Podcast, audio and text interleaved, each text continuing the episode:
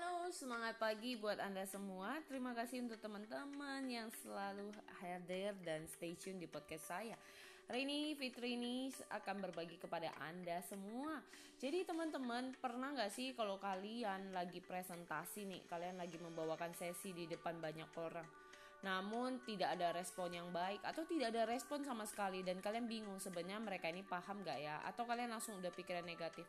Kayaknya kok muka-mukanya ini kayak nggak ngerti atau nggak suka atau nggak simak gitu kan. Pernah nggak sih alami? Saya yakin setiap dari kita pasti ngalamin. Dan Pastinya banyak jadi berpikir gimana cara supaya saya itu bisa membawakan sesi menjadi seorang pembicara atau orang yang berdiri di depan itu uh, bisa menarik ya perhatian audiens yang mendengar.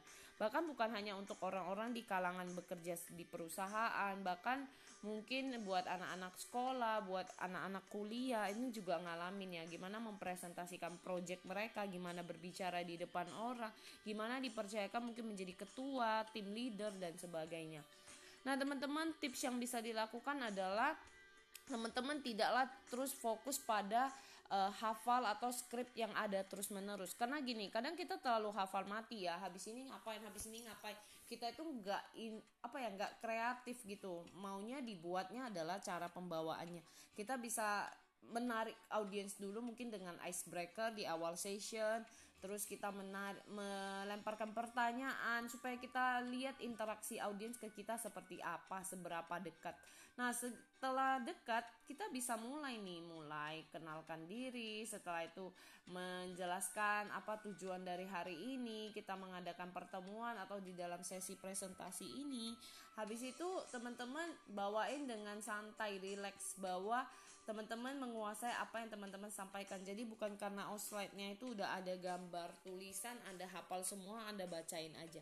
Tapi bagaimana cara kreasinya kita membawakan sesi itu sehingga menarik buat orang-orang yang mendengar mendengarkan sehingga mereka juga paham gitu.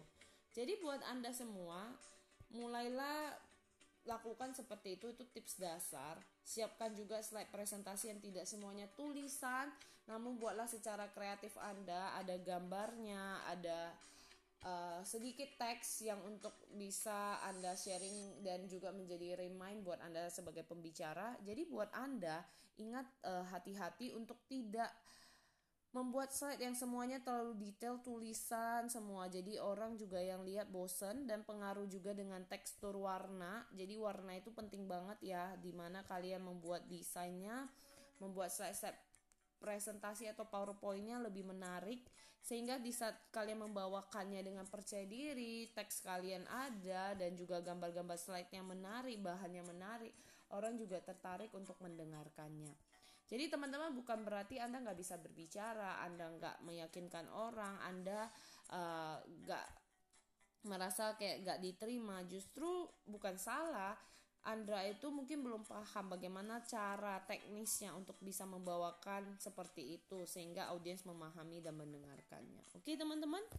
Jadi semoga hari ini tipsnya bisa bermanfaat buat Anda semua. Yang penting adalah praktekkan, lakukan untuk bisa melihat hasil dan perubahannya. Semangat semuanya.